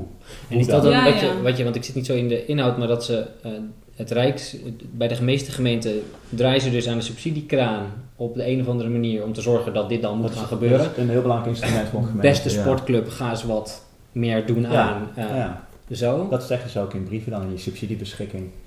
Komt dan een alinea over, wil je alsjeblieft wat meer op preventie doen? En soms belonend of soms straffend. Ja, ja. En het Rijk doet dat net zo, hè? Financiering, eh, op financiering sturen. Ja. En dan doe je dus eigenlijk een soort verkapt vorm van op inhoud sturen. Dus je geeft dan een bepaalde richting aan. Geef een lading mee. Ja, en Maar dat de subsidieregelingen zijn natuurlijk precies hetzelfde. Maar de, maar de gemiddelde sportclub zal geen idee hebben hoe ze dat in vredesnaam moeten doen. Nee, die, die, die moet je dus helpen. Als voorbeeld als En wij merken nu dat, om even bij het voorbeeld sportvereniging te blijven, maar ook scholen, ehm, die, komen, eh, die willen heel graag, maar die komen nog nauwelijks in beweging. Om de meest simpele reden dat eh, vrijwilligerswerk ontiegelijk onder druk staat in onze samenleving. Dus de aanname van we kunnen meer aan preventie doen door meer met de samenleving te doen, is maar zeer de vraag of dat die aanname wel klopt. Ja, dat hele participatiemaatschappij ding in een steeds individualistischere maatschappij, ja, in hoeverre willen mensen dat? Precies. En wat je dus ziet nu is dat bijvoorbeeld er is een, een grote sportclub, een grote sportclub lukt dan nog wel redelijk wat. Daar zie je dat daar wel best wel wat ideeën zijn. En, en wat, je, wat wij nu gedaan hebben is daar de gemeente en welzijnswerk en zo daar naast zetten en om ze in samenwerking dan te kijken wat kunnen we doen. Dus bijvoorbeeld mensen vanuit de bijstand die dan vrijwilligerswerk gaan doen bij de voetbalvereniging, zodat er overdag eh, eh, ook allerlei beheer plaatsvindt, maar dat tegelijkertijd dan die kantine ook gebruikt kan worden voor ontmoeting. Ja. En, en dan snijden Ja, die- mensen meerdere kanten. Oké. Maar op het moment dat jij eh, eh, ehm, zeg maar zegt van eh, beste sportclub, we gaan je aan de subsidie draaien en eh, kom maar met een plan. Ja, sorry. Dan komt er niks. Nou, meestal niet mee. Nee. Dat hebben wij in ieder geval gemerkt, dat dat heel moeilijk is. En dat is niet onwil. Nee, maar ik zou... Nee, maar dat is het volgens mij ook Je niet. bent al lang blij dat je sportclub draait. Ja, Je bestuur en alles. nou ja, weet je, ik... En mijn- dorpsvereniging. Maar, maar dat is ook, maar dat is net als dat, ja, weet je. Ik doe ook niet zoveel. Ik zou best wel willen, weet je wel. Maar ja, tenzij ze echt, eh, dat zeg ik altijd, tenzij ze voor, bij mij Ja. in het plantsoen voor de deur staan, waar ik met mijn Ja. kind onder mijn armen naartoe kan. Nou, Wil ik wel hoor, echt- maar ja, weet je. En hoe, dan verwachten we ook nog wat mensen die, ja, weet je wel, ehm, het meest kwetsbaar zijn, daar dan wel Ja, en wat boeiend is... De, in actie komen. Ja, een van de dingen die, die ik zelf daarvan eh, ontdekt heb, ehm, is dat ehm, vri- vrijwilligerswerk staat dus gigantisch onder druk. En dat heeft er mede mee te maken dat wij eh, met z'n allen willen, eh tweeverdiener willen zijn en een bepaalde materiële nou, voorspoed willen hebben, zeg maar. Hè? Auto, huis enzovoort enzovoort. En tegelijkertijd zie je dat de, de generatie van ongeveer onze ouders, die hebben het allemaal redelijk goed, voor, even algemeen gezegd, redelijk goed voor elkaar. De scholen bijvoorbeeld, die hebben veel minder eh, opa's en oma's voor hun vrijwilligerswerk. Uh, want opa en oma, die zitten, in ieder geval niet structureel zijn die niet betrokken. Want opa en oma zitten ook wel eens in Benidorm. Hè. Of uh, opa en oma zijn zelf ook nog hartstikke druk. Ja. Um, of die wonen überhaupt niet op de plek waar... Uh, of die wonen inderdaad helemaal niet op de plek. Mees en ja. Mieke ja, zitten. ja. Dus je ziet dat er een... een dat, dat, dus aan de ene kant, en dat is dan wel weer, weer, boeiend, exemplarisch voor hoe rijksbeleid tot stand komt. Aan de ene kant zie je dus dat er een samenleving is die in toenemende mate onder druk staat mede geïnitieerd door onze overheid. Hè, want wij wilden vrouwenparticipatie bijvoorbeeld. Ja. Um, en tegelijkertijd gaan we dan vanuit een andere stroming, namelijk vanuit de zorg. Want we moeten wel de kosten drukken, of in ieder geval, we bezuinigen eigenlijk niet, maar de, op de toename proberen we zo die te min te verminderen. Ja. Zeg maar. Daarop zeggen we, ja, dan moet de samenleving wel meer in actie komen. Maar je kan niet en dat vragen en dat vragen, zeg maar. Dat werkt niet. En dat komt dan samen bij de gemeente in dit geval. En, uh, en, die op alle twee een antwoord moet voorzien. Nou, die dat dan, die, die zogeheten ja. transformatie vorm moeten ja, geven met een samenleving. Ja. En dan zit daar een ambtenaar die denkt van, hoe moet ik dat in godsnaam doen? Geen idee, zeg maar. En dan ga ik aan de subsidie sturen. Ik zeg het nu even wat zwart-wit, maar daar komt het ongeveer op neer wat er gebeurt. En dan komen er, komt er een programma van het ministerie om dan wel te helpen met pilots. Dus er komt er geld voor pilots. Nou, dan gaan gemeenten her en wat pilots doen. Nou, een paar slagen, een paar niet. Hartstikke leuk. Maar wat verandert nu structureel? Structureel verandert er niet zoveel. Dus dat is wel heel uh, boeiend en leerzaam. Ja, we hadden het in de trein hier naartoe over dat je uh, van een afstandje, dat is net als bij een, uh, bij een organisatie, dat je soms met een, ander, een andere sturingsfilosofie heb je soms nodig, omdat je zeg maar de slinger even de andere kant op moet doen. Hè? Dus dan gaan we van een, uh, een lijnorganisatie naar een matrixorganisatie of iets dergelijks, omdat je, nou goed, je kunt, je kunt wel invullen. Maar dit, deze uh, transformatie is eigenlijk, het gaat wel over mensen. Dus in hoeverre is, die, is dit experiment, het is geen experiment, uh, want het, we doen het gewoon, maar je bent wel een soort cultuurverandering en een organisatiewijziging aan het doen die wel direct impact heeft. Op ja, en als het niet werkt, dan raak je dus mensen ook heel nou Heel ja, direct. Want je, je, je zit er dichter op, dus als het misgaat, gaat het ook harder mis. Dus ik kan de noodzaak van de verandering kan ik beargumenteren en ik ben het er denk ik ook grotendeels mee eens, maar ik vind het ook wel een hele stap om dat dan om, men, om zeg maar de, misschien wel de meest zwakke in de samenleving daar... Uh, het is bloody ingewikkeld. Ja. Nou, wat, wat dus het, het, zeg maar het voordeel is van, uh, van ons project, is dat het dus eigenlijk vooral uh, dingen toevoegt en, en naar voren haalt, dus meer aan preventie doen. Maar als je ingaat inderdaad in de zorg, uh, dan uh, raak je rechtstreeks uh, kwetsbare mensen. En bijvoorbeeld Instituut Publieke Waarde, wat ik net zei, die, um, die onderzoeken altijd ook aan die onderkant van de samenleving wat er gebeurt. Omdat je daar zie je eigenlijk het effect van beleid. Ja. Je kunt heel mooi beleidsevaluatieonderzoek doen en zo. En dan krijg je allemaal cijfers en zo, percentages, maar dat zegt eigenlijk helemaal niks. Als je gaat kijken in een gezin waar vijf hulpverleners over de vloer komt wat dan het effect is van jouw maatregel op het gebied van de WMO of jouw maatregel op het gebied van de bijstand of whatever, dan zie je Dan zie je het echt. Ja. ja. wat het effect is. En, uh, maar dat heeft, dat heeft in dit geval weinig met mijn nee, precies. ik vind overigens wel dat het heel goed zou zijn om vanuit het ministerie met een soort soortgelijke methodiek als wij nu gedaan hebben, om daar bijvoorbeeld de vraag te gaan stellen, hoe kunnen we de zorg toekomstbestendig maken. En, en, en dan zou je dus heel veel mensen in Nederland gaan spreken en gaan interviewen. En dan krijg je dus ook weer zo'n dikke bijbel met allemaal interviews. En dan ga je dat analyseren. En dan ga je daarop sturen. Als het ministerie dat zou doen, dan zou ik zeggen, nou, dan heb, heb ik nog hoop, zeg maar. Ja. Voor Nederland.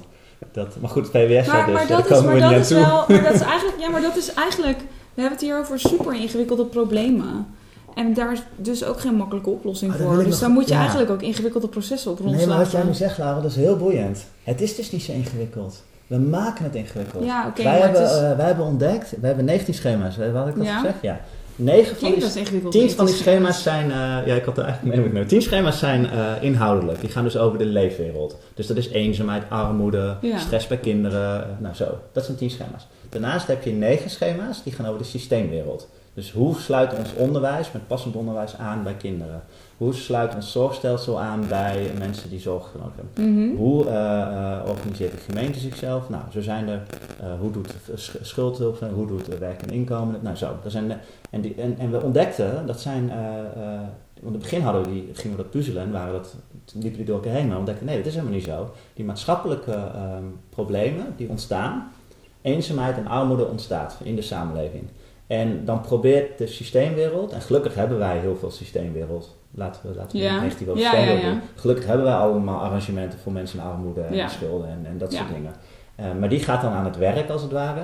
Op een, en, en wat preventie is, betekent eerder mensen signaleren. Nou, dat lukt ons niet altijd, want iemand komt pas aan, aan bij schuldhulpverlening als die al in de shit zit. Ja. Precies. Ehm, eh, twee is, eh, hoe bereiken we mensen voldoende? Bijvoorbeeld ouders die in de stress zitten, hoe krijg je daar nou het gesprek mee? Ja. Dat, dat lukt een centrum voor jeugd en gezin niet goed, zeg Ja. maar. Ehm, of hoe kom je bij die, eh, stille, die eenzame jongeren of ouderen? ehm, hoe bereik je die, zeg maar? Dat is een belangrijk. En de derde is, eh, als je ze dan hebt gesignaleerd of hebt bereikt, hoe organiseer je dan vervolgens de zorg of het onderwijs of je arbeidsmarkt, et cetera, om daar goed op in te spelen. Mhm. En wat je dus ziet is dat die maatschappelijke eh, schema's, die zijn eigenlijk vrij duidelijk. Eh, of, of over hoe problemen ontstaan. Dus bijvoorbeeld armoede, eh, hoe dat ontstaat en hoe dat uiteindelijk leidt tot schulden. Schulden zitten dus al heel hoog. Hè? Ja. Dat is eigenlijk al symptoombestrijding. Ja. Dan is het al te laat. Ja, je moet al aan armoede doen. En vervolgens, als mensen lang in de schulden zitten, zie je heel vaak dat er eerder huisgeweld ontstaat, dat er eerder verslaving ontstaat. Dat het dus van de regen in de drup, dat het steeds erger wordt. Mensen gaan steeds verder van de samenleving af. Zo is er ook een schema over mensen die niet kunnen meekomen in de samenleving. Een hele grote groep, vaak wat zwakker begaafd. Maar zwak begaafd ben je al vrij snel trouwens. 2,4 miljoen mensen zijn dat in Nederland. Oh jeetje, Die dus veel. moeite hebben met die complexe samenleving. En die daardoor problemen ontwikkelen en die daardoor uiteindelijk afhaken. Of boos worden, of eh, eh, geïsoleerd raken. Nou, dat heeft Ja, dus dat, dus dat zijn allemaal die schema's. Die zijn eigenlijk wel vrij helder. En als je dat weet, kun je ook wel bedenken: hé, hey, maar wat doen we al en waar zetten we eigenlijk op in? En dan zie je dus dat je bijna niks, nou, dat is overdreven, maar niet zoveel doet aan armoedebestrijding, maar heel veel aan schuldbestrijding. Zou je dat niet moeten verschuiven met naar armoedebestrijding, bijvoorbeeld? Ehm, maar de systeemwereldschema's, die zijn veel ingewikkelder. Dus hoe zit nou ons zorgstelsel in elkaar en wat is nou de oorzaak dat ons zorgstelsel er dus niet goed in slaagt om te signaleren, te bereiken of het probleem op te eigenlijk ja maar je- dat is dan toch een heel ingewikkeld probleem. Nee, maar wat we dus doen, we lullen over de Ja, systeemwereld ja. met z'n allen. ja, daar- en mensen oké. verzinnen oplossingen in die systeemwereld voor de problemen van de systeemwereld zelf. Ja, ja. Dus we hebben het niet meer over de echte problemen. We hebben het over, bijvoorbeeld, we hebben het over het probleem van de eigen bijdrage. Of we hebben het over het probleem van eh, hoe het sociaal team functioneert. Of we hebben het over het probleem van eh, dat, eh, eh, dat de indicatie niet goed gaat. Weet ik veel. Allemaal systeemwereldproblemen. We hebben het heel weinig over die mevrouw die dan drie hoog achter zit. En, en daar zijn er misschien wel honderd van. En dat we die niet goed bereiken. Maar je zegt ook, we hebben die Ja. systeemwereld wel nodig. Maar voeren we dan Ja. gewoon niet het juiste gesprek omdat we te veel focus op onszelf hebben als systeemwereld? Of Nou, er zijn heel veel mensen, even voor de duidelijkheid, anders is het misschien verwarrend. Er zijn heel veel mensen binnen de systeemwereld, dus onderwijzers, zorgverleners, dat soort mensen, die doen een stinkende best. En die zijn hartstikke goed in al die mensen wel bereiken en ze het goed te helpen. Maar zij hebben ontzettend veel last van de wereld daarachter, waar ze in zich in begeven. En, en, nou, er zijn Het systeem. Ja, dus de administratieve last, de manier van verantwoording, het worden afgerekend op uitstroom uit de bijstand in plaats van op het begeleiden van mensen. Nou, zo zijn er honderden voorbeelden waar ze last van hebben. En wat je dan ziet, is dat de beleidsmakers, en beleidsmakers zijn dan ook de, deels de politici, bestuurders en de beleidsmensen, dat soort dingen, die wereld zeg maar, die heel veel praten en proberen ook oplossingen te verzinnen, die hebben het dus over de problemen in de systeemwereld, denken veel in oplossingen, analyseren te weinig en creëren vaak dus alleen maar meer burden, meer Ja. Gedoe voor die mensen in die, die de uitvoering moeten doen. Dus eh, er zijn echt hele extreme voorbeelden hoe mensen in de uitvoering er steeds minder aan toekomen om daadwerkelijk te helpen. Ehm, omdat hier dus iets bedacht wordt met elkaar. En, en dat probleem is dan heel ingewikkeld inderdaad. Want die systeemwereld is hopeloos ingewikkeld. Ga maar eens uitleggen aan mensen hoe de WLZ zit en hoe de WMO zit. En hoe dat dan tot elkaar verhoudt. En hoe de bijstand in elkaar nou precies zit. En hoe dat verhoudt tot het UWV. Nou, dat is allemaal best wel ingewikkeld, zeg maar. Ons zorglandschap is gigantisch ingewikkeld. Dat hebben we Maar, maar, maar, maar, maar, en dat wat en maar wat, afbreken, ja, maar, wat, maar da- daar, daar, daar dacht ik een beetje dat, dat, dat het tegelijkertijd, weet je, dat als jij schetst wat voor proces je hebt doorlopen met al die interviews, en dat dat dan heel omvangrijk is, en dat iedereen zegt, oh, dat is heel omvangrijk, weet je wel, daar hebben we nooit tijd en geld voor, terwijl er zo'n ingewikkeld probleem hebben gemaakt met z'n allen, Ja. dan is er geen, en is er geen ruimte. Eigenlijk, nee, maar dat, dat, dat, dat is een soort eh, discrepantie volgens mij. Die Ja. we, dat, als je, dat als je met z'n allen een heel ingewikkeld probleem maakt, dat je er misschien ook wel iets semi-ingewikkeld tegenover mag zeggen. Het is op zich nog Ja. wel overzichtelijk om zoveel interviews te doen. Maar daar haal je dus een schat aan informatie op, die misschien ook wel, waar dan wel alle antwoorden in zitten, voor een deel. Want dat zeg je, weet je wel, alle experts Ja. bevestigen Nou, het beeld dat je daar ophaalt. En het is dus helemaal met elkaar. Dat het ergens heel gek voelt dat je niet zo'n semi-ingewikkeld proces mag doen met zoveel mensen. Terwijl we eigenlijk zo'n ingewikkeld proces hebben gemaakt met elkaar. Ja. Waar dus eigenlijk een ponklaar op oplossing... En we hebben heel erg de neiging volgens mij om dan aan een knop te gaan draaien. Want we, we vinden de knop, daar draaien we aan en dan gaan we het, dan gaan we het oplossen. Of dan gaan we richting Ja. verbetering. Ja. Maar dat, Ja, dat, Dat is, is ook een soort hè. illusie. Dat we niet meer tijd nemen. Dat is dan puur als je het over het beleid maken en impact willen hebben. Dan is het zonde dat we niet meer tijd daarvoor nemen. Zowel voor draagvlak als inbreng van mensen als dus analyseren. Ja, want dat Ja. analyse, dat is volgens mij wel iets dat jij elke keer probeert te doen. Ja, omdat ik er niet van houd om, eh, om onzin dingen te doen. Want eh, geen effect hebben uiteindelijk. toen wij in Twente met krimp bezig waren, was dat ook, was dat ook de, uiteindelijk de tactiek. Het was toch ook klinkers? Volgens mij wel. Ja, Ja. ja. dat klopt.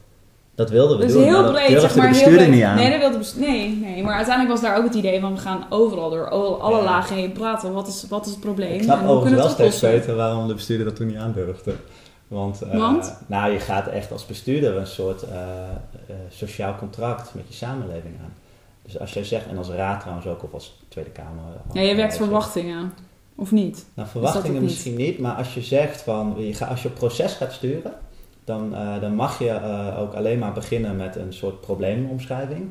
Eh, visie komt pas in eh, stap 8 of zo eh, van Mhm. het gebeuren. Oplossingen nog verder. Ehm, en dat betekent dus dat je als, als opdrachtgever, bestuur of raad zegt van, ehm, dan gaan wij wat uit die samenleving komt, ehm, dat, gaan we, dat is ook ons, daar, dat is ons materiaal. En daarmee vragen we het projectteam om tot een analyse en tot, tot, tot de goede doelen te komen en die interventiepunten. En daar laat je het ook En een deel mee samen- los. Ja, Of laat je dus Ja. los. En, en dat is natuurlijk sowieso een uitdaging voor de huidige, met name gemeenteraad. Waar zit je democratische legitimiteit? En waar zit je rol?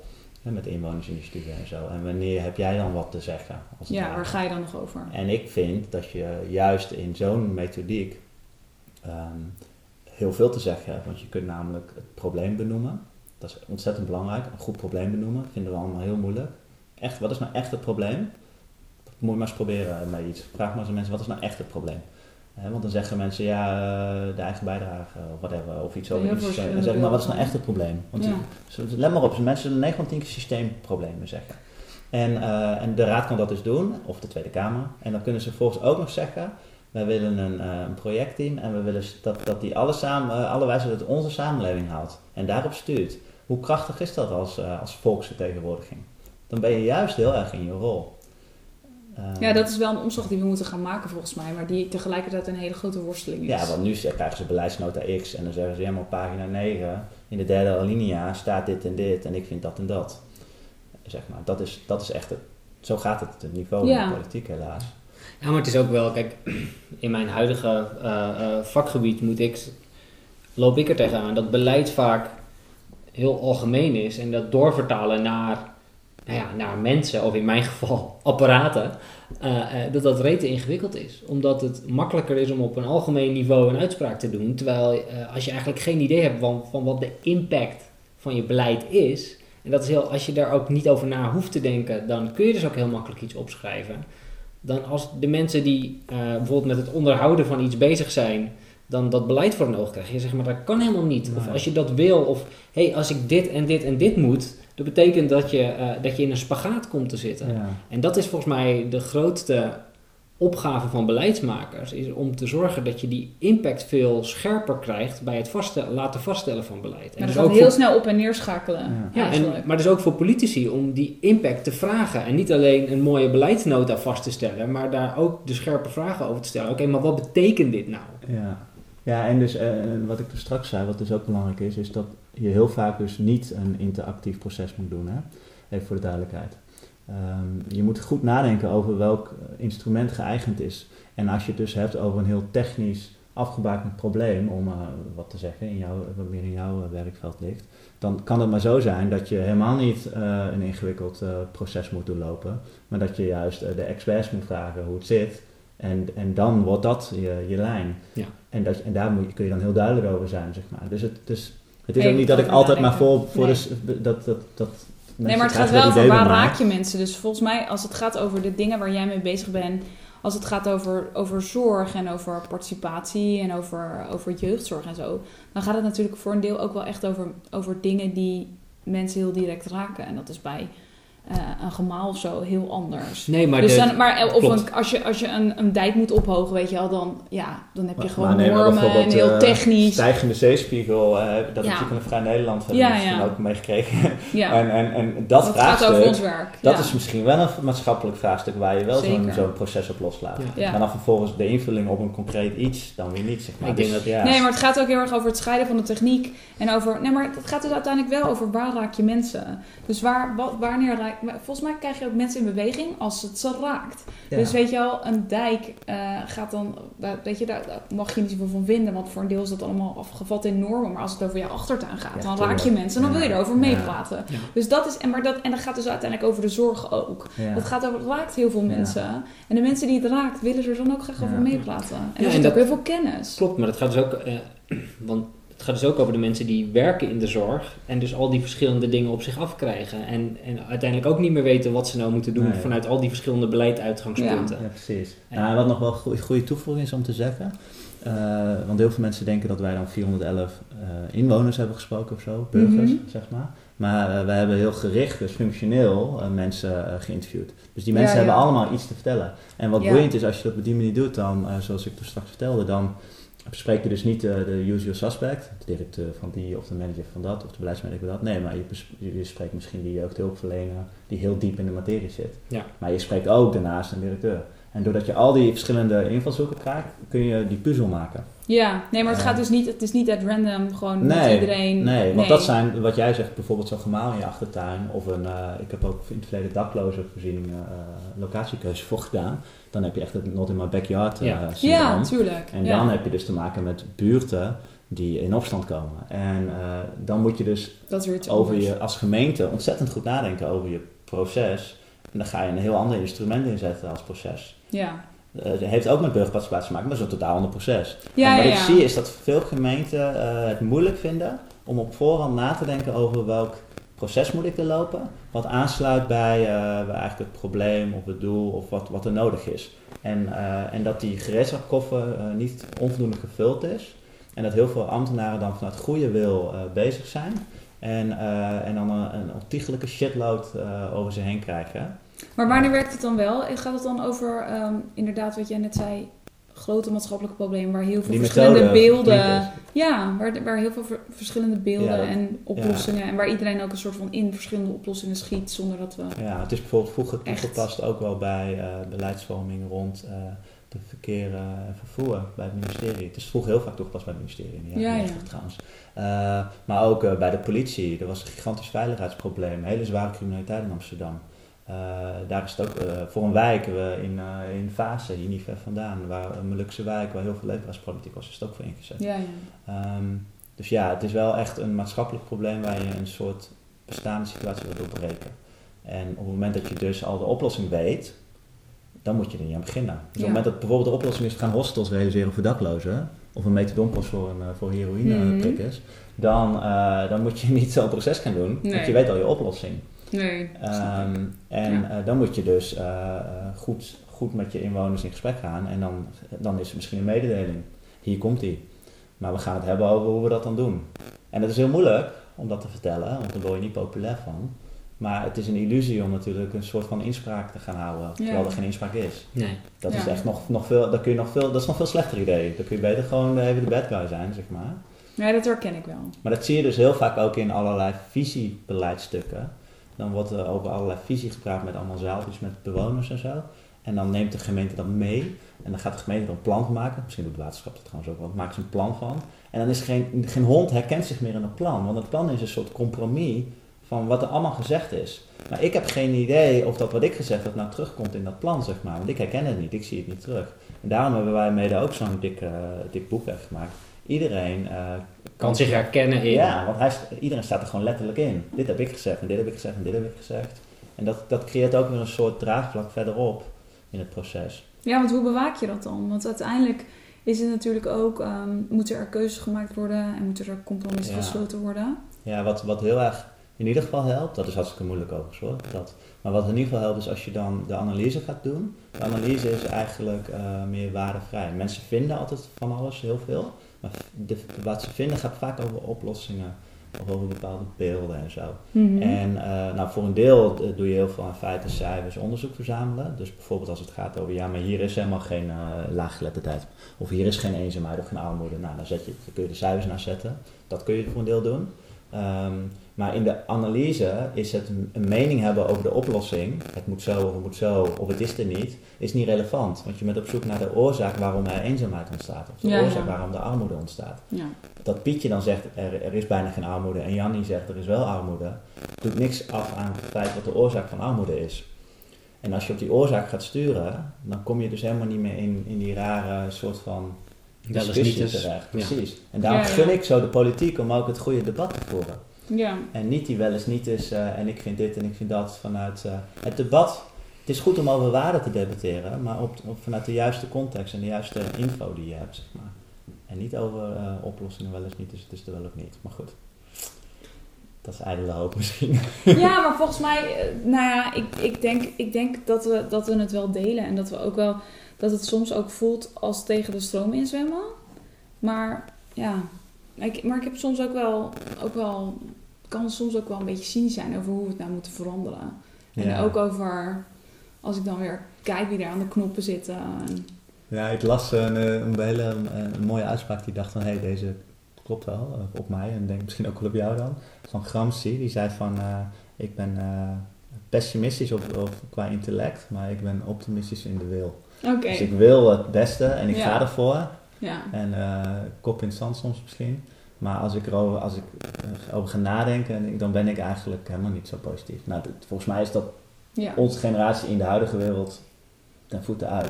Want we- Maar en onze generatie gaat, want weet je, wij gaan, weet je, wij, wij gaan nu, eh, onze generatie gaat zo meteen toch steeds meer toestromen naar waar de macht zit.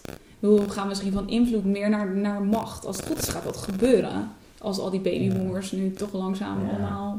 Maar we hebben al behoorlijk veel invloed, vind ik. Als je ziet wat er allemaal aan eh, eh, artikelen en aan eh, ehm, dingen... Nou ja, en waar ze inmiddels, waar iedereen nou, zit en zo. Rutger Maar, Brechtman is natuurlijk het bekendste voorbeeld. Ja. Maar als je ziet Ja. hoeveel impact, invloed dat er feitelijk al heeft...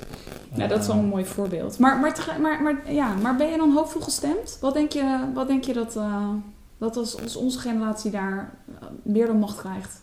Ja, ik ben, Gaat er dan, gaan er dan dingen veranderen? Zijn onze kinderen straks blij met ons? Ja, dat ben Ja. ik heel benieuwd. Daar heb ik een beetje over nagedacht. Ik denk, eh, ik vrees van niet nog. Maar dat, dat, dat, ik, dat komt denk ik omdat ik vrees dat het gedachtegoed, waardoor om de problemen voor een deel ontstaan zijn, namelijk eh, gigantisch ongebreideld kapitalisme, gigantisch neoliberalisme. Ja, want dat zijn wij ook. Daar zijn wij in, in gemaakt. Ja. Of dat we nou willen of niet, de beperking die wij hebben, is dat wij ook zo in die wereld denken en leven. En ik zie dat om me heen, bij mijn vrienden ook.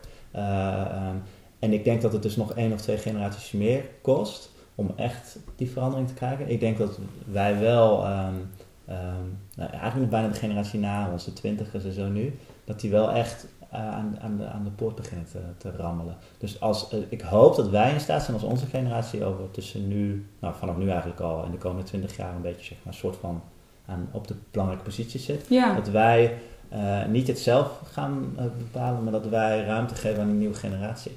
Ja, dat we die, dat we, ja, dat we die ook en echt niet dat we allemaal kinderraden moeten gaan oprichten, want dat geloof Nee, ik niet. nee, maar, maar daar wel gaat het die, niet om. Maar wel die jongeren, zeg maar. Zou onze rol dan zijn om, om misschien meer dan voorheen dat meteen te faciliteren en daar open voor te Ja, staan? pad te plaveien of zo. Wij, wij- want wij, wij zijn een soort, ik voel het een beetje, wij zijn een scharnierpunt. Tussen de, want wij hebben alleen maar voorspoed bijna gekend. Geen Ja. oorlogen, Nee. En wij zijn altijd maar in de groei en, en we, bedoel, we weten niet eens Alles kan, ja. Pas, pas, volgens mij is het pas tien jaar geleden, of nog niet eens, dat iemand voor het eerst zei: hé, hey, maar weet je dat er ook eh, modellen zijn dat je niet op groei hoeft te sturen? Eh, op geluk of zo, hè? Bhutan, oh Bhutan, jeetje, hè, zeg maar. Dat was dan heel bijzonder. En nu, de- nu, nu word je, iedere dag word je om, om je oren gesmeten met allemaal dat soort terminologie. Dus het paradigma is aan het veranderen. En dat geeft heel veel hoop. Het is ontzettend aan het veranderen. En, en alleen de vraag is, eh, hoe snel kan de systeemwereld daarin meeschakelen? En nu zie je dus dat de politiek failliet is, dat het niet kan meeschakelen. De vraag, eh, dus dat is voor mij bijvoorbeeld een reden om niet politiek actief te worden. Want dan zit ik in die oude wereld, daar kan ik het verschil niet maken. Daarom Ja. ga ik denk ik mede ook niet protesteren. Dus Maar ik denk, je dat de, denk je dat de politiek failliet is? Er worden nu vooral... Ja, Dat is wel... maar dat is weer een, bijna een andere podcast. Ja, dat is wel een andere podcast. Maar het, zeg maar, het- ik geloof heel erg trouwens in, in de instituties en hoe wij het georganiseerd hebben. Hè? ja. Alleen eh, het matcht nu niet. Maar eh, je ziet dat de, de, ehm, dat, dat de jongeren, dat die schrijven nu nieuwe verhalen. Die schrijven verhalen dat het anders zou moeten. Zeker als je, en ik zit misschien veel in die wereld op social media, maar je, als je wereldwijd ziet hoeveel protestbewegingen, hoeveel mensen vinden dat het anders moet. Het lukt nog niet helemaal om het ook echt anders te doen, maar neem nou plastic. Dat is in één keer giga actueel. Maar, Nee, maar wat dat je, is waar. Dat is echt van onderop gekomen. Ja. En dat zegt Jan Rotmans ook, dat kan je niet kennen. Die, Ja. eh, hè, die zegt ook, waarschijnlijk gaat de systeemwereld... Vroeger wa- was de overheid degene die het, het aanjaagde. Hè? Dus in de jaren 50, al die, die Nee, nu gaat het de de- grond van het andere andersom. kant. Ja. En de vraag is, hoe hard botst dat? En Ja. hoe snel kan dus de, de overheid of de, zeg maar de systeemwereld daarop aanhaken? En, en de generatie die nu aan de macht is, die verzet zich daar nog tegen. Niet bewust, dat ze dus niet met die woorden zeggen, maar ze sturen de mensen weer het bos in. Dus die kinderen die bij Rutte Ja. komen, die worden weer het bos ingestuurd. Ja. En ik gun onze generatie, of nee, ik vind dat onze generatie dat dus niet moet doen.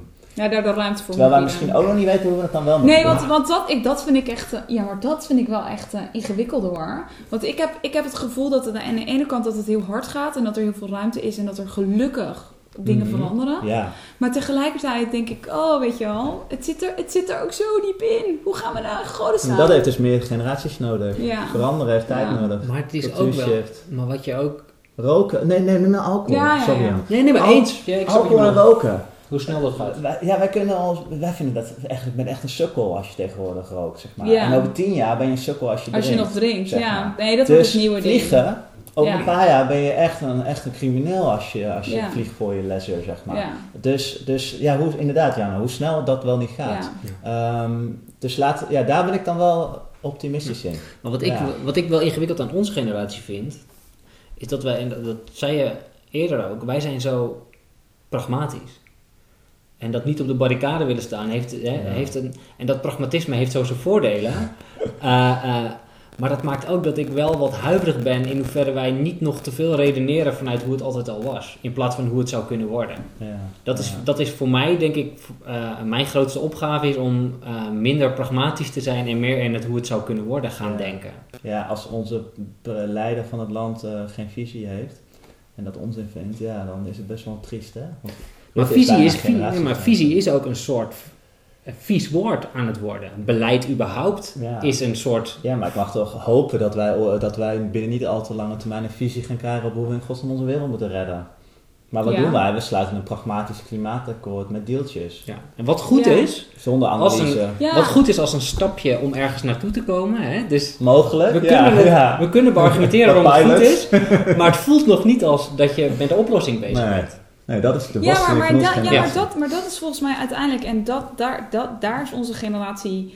Weet je, wij zijn, wij zijn toch ook gewoon voor het gemak en het geluk. En inderdaad, in die zin. Ja, maar je moet onszelf doen. niet veel straffen laten. Nee, nee, maar straf ons. Nee, het is ook niet dat, dat ik ze wil straffen. Alleen ik vind het soms wel moeilijk om te zien hoe, het dan, hoe, hoe we het dan echt gaan. Ja. Hoe we het dan echt gaan Nou ja, veranderen. kijk nou bijvoorbeeld in Cameroen waar ik heel veel kom. Daar zie je dat eh, de, de, de, de mensen daar die willen eh, heel graag ontwikkelen. En dat is ook logisch. Ja. Die hebben steeds meer invloeden ook van de westerse wereld trouwens. Eh, niet alleen cultureel, maar ook het materiële wordt daar steeds zichtbaarder. Dus iedereen daar die ook maar een beetje geld heeft, eh, die gaat, eh, die, gaat die, die, die materiële welvaart ook realiseren, zeg maar. Ja, Ehm, dus daar, daar, word ik dan, eh, eh, daar zit ik dan heel gemengd in, want ik, ik gun ze dat van harte. Ik bedoel, tuurlijk, hey, iedereen wil dat, zo goed mogelijk leven. Maar tegelijkertijd zie je dat het, hele regenwoud is binnen no time weg. Eh, gaat heel hard.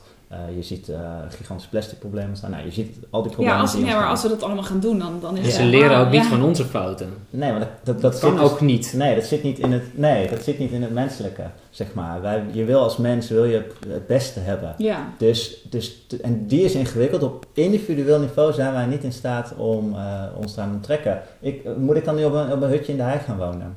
En niks gaan uitstoten of zo? Dat, dat, dat kan niet, zeg maar. nee. Dus, dus we zullen wel, de overheid, of dat we dat nou willen of niet, en de overheid is wij, hè, dat is onze samenleving, die zal eh, leidend daarin moeten gaan zijn namens iedereen. En die zal daar visies op moeten ontwikkelen, zodat wij als individuen eh, daarin eh, ook de ruimte krijgen om, die, om dat dus te gaan doen, of zelfs deels gedwongen worden, afhankelijk van hoe dat zich ontwikkelt. Maar dan moet je dus keuzes durven maken, ook als politiek. Dan moet je durven zeggen van, nou, misschien hebben we de komende tien jaar wel 20% krimp. Ja, maar, ja, dat, maar dat, dat Ja, vereist wel degelijk cares? visie. En dat betekent ook wel dat je een soort voor, voortrekkersrol hebt als Ja. overheid. Ik geloof daar wel heel erg in. Ja. En dat we daar ook... eh, Maar dat- goed, ik dat- zie het niet gebeuren nu. Nee, nee, nee, maar we konden iedereen van het, aan het gas krijgen in, eh, wat is het, drie, drie jaar of zo? We hebben het echt heel snel gedaan. Nou. En nu, eh, ja, ga er maar aan staan. Maar weet je dat bijvoorbeeld, ehm god, ik vergeet altijd haar naam, maar toen zeg maar de wetten, de grote sociale wetten werden bedacht, dus de AOW en zo. en. Toen, ehm, hoe heet zij nou, dat was een vrouw, vrouwelijke minister, die zei tegen de Kamer, eh, want de Kamer ging daar vragen over stellen, hoe staat het met die wet? Die zei, mijn departement is daarmee bezig en ik kom eh, eh, over een aantal jaar kom ik bij u terug. En, want toen werd het, het werd goed voorbereid, het werd goed doordacht, zeg maar. En toen kwam er een, toen kwam er een wet, zeg maar. En tegenwoordig is het allemaal, allemaal haasten en snel maar weer met antwoorden en elkaar bezighouden, zeg maar. Ja. Welke minister zegt nou nog van Kamer even geduld of media of beste landgenoten even geduld? Wij gaan eens even ontzettend goed met alle partijen eh, aan de slag en analyseren wat er aan de hand is. Om vervolgens tot een hele goede visie te komen waar iedereen, waar iedereen een rol in kan hebben. En pas daarna komt het klimaatakkoord. En niet ervoor. Nee. Ja. Maar goed, dat, dat, eh, ja, misschien komt dat over een aantal jaar weer. Hey Koen, een, een van, ons, een, van de, een van de vragen die wij, eh, die wij altijd nog stellen is... ehm, wat voor advies zou jij aan je tien jaar jongere zelf geven? Ja, dat is echt een rotvraag. Heb je die wel eens aan jullie zelf gesteld ook, of niet? Nee? Ja, dat is echt een hele lastige vraag. Ehm, nou, misschien ehm, had ik nog meer moeten durven toen ik wat jonger was. In de zin dat ik... eh, ik ben heel tevreden over hoe alles gegaan is en zo. En je weet toch, je, het is ook niet maakbaar. Hè? Nee, dat is zeker Je landt uiteindelijk waar In die zin heeft het ook weinig zin om... eh, Om daarover na te denken. ja. Maar ik had misschien nog iets meer ehm, kunnen durven. Ik was wat eh bleu. In de zin van, eh, ik had nog meer naar het buitenland gaan. Ik had misschien nog, eh, ehm, nou, meer, nog meer, ik had meer impact misschien nog kunnen hebben nu. Als ik nog net toen iets meer op het gaspedaal had gedrukt, zeg maar.